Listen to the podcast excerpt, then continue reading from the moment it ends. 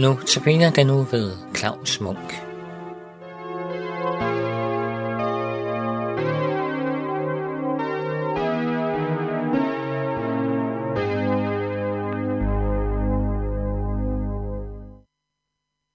I dag vil jeg komme ind på, hvordan tre vers i salme 89 er blevet mig til hjælp. Det drejer sig om vers 16, 17 og det er vers 18.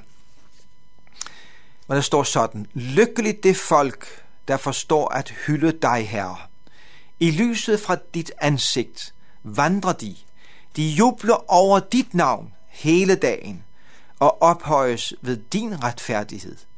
Din styrke er deres smykke. Ja, det er altså vers, som jeg vender tilbage til igen og igen. Det hjælper mig nemlig til at få min opmærksomhed rettet hen på det, der er sagen. Nemlig ikke mig selv og min kristendom og mine nederlag, men Herren selv. Og derfor er jeg også overbevist om, at de kan hjælpe dig, kære lytter. Hvem kan med rette bære betegnelsen et lykkeligt folk, kunne vi spørge. Og det svarer det første vers på her. Lykkeligt det folk, der forstår at hylde dig. Det er jo et noget andet parameter eller målestok for lykke, end det, som anvendes i vores dages undersøgelser om, hvorvidt et folk kan kaldes lykkeligt eller ej.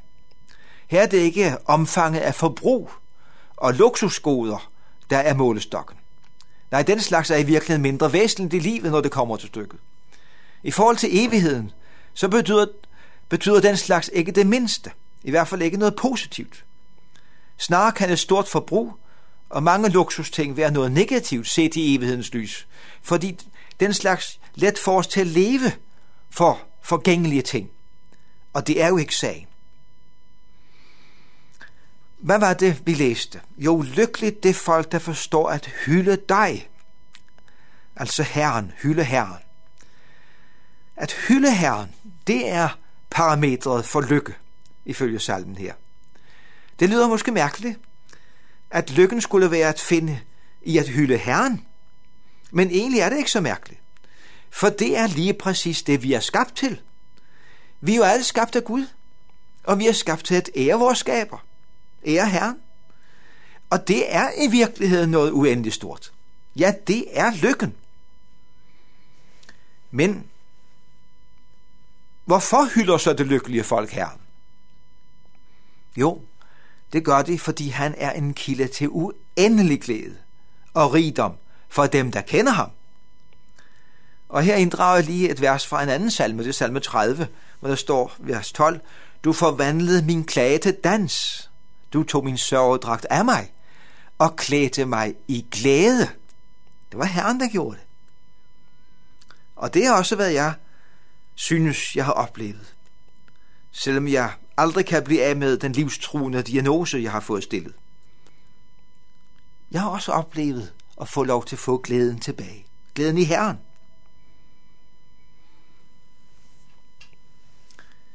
Vores vers her sætter også ord på det lykkelige folks livssituation. I lyset fra dit ansigt vandrer de, læste vi. Det er det samme som, at de lever i og under Guds evige nåde i lyset fra dit ansigt. Det er Guds nådes ansigt. Og så læste vi også, at de jubler over dit navn hele dagen. Ja, er det ikke herligt? Hele dagen. De kan ikke blive færdige med jubler over Herrens navn. Og hvorfor det? Fordi det navn, som jo er Herren selv, rummer alt godt. Det rummer kærlighed. Den evige kærlighed. Det rummer godheden uden den mindste egoisme. Det rummer livet, uden død. Og ud fra Nytestamentet, så er det jo Jesus selv, der rummer det her. Han, hans navn betyder netop JHVH frelser. Og videre forstår vi, at de ophøjes ved din retfærdighed, som vi læste. De placeres uendelig højt i kraft af Guds frelse. Sådan er det. Og Paulus skriver om det i sit brev til de kristne i Efesos. Hvordan Gud oprejste os sammen med Jesus og satte os med ham i himlen. Det er virkelig ophøjelse, så det forslår. Og så det sidste vers, som vi læste. der kommer den formulering, som jeg synes er så overvældende herlig. Din styrke er deres smykke. Hvorfor er det så herligt? Jo, sagen er den, at jeg i evighedens ulideligt klare lys må erkende, at jeg ikke har noget smukt i min egen person at vise frem for Gud. Det, jeg har i mig selv, det er synd, og det er elendighed.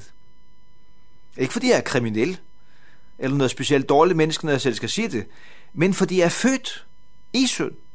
Jeg er født uden frygt for Gud, uden tillid til Gud, og med et egoistisk begær, som vores lutherske bekendelse siger. Men her er der står om det lykkelige folk, som i virkeligheden er alle de mennesker ud over jorden, der tror på Jesus som deres frelser. At Herrens styrke er deres smykke. Herrens styrke er deres smykke. Herren selv er deres smykke. Tænk, at du og jeg, der tager vores tilflugt til Jesus som vores frelser, vi skal få lov at sige det. Herrens styrke er mit smykke. Hvor er det befriende. Så behøver jeg jo ikke have noget smykke i mig selv og i min egen kristendom. Jeg behøver ikke puste mig op, for jeg har alt, hvad jeg behøver i Jesus, i Herren selv. Han er mit smykke. Han er min stolthed. Han er min glæde. Han er mit liv. Han vil også være dit smykke, kære lærer, lytter. Vil du give ham lov til at være det? Gud velsigne dig til det.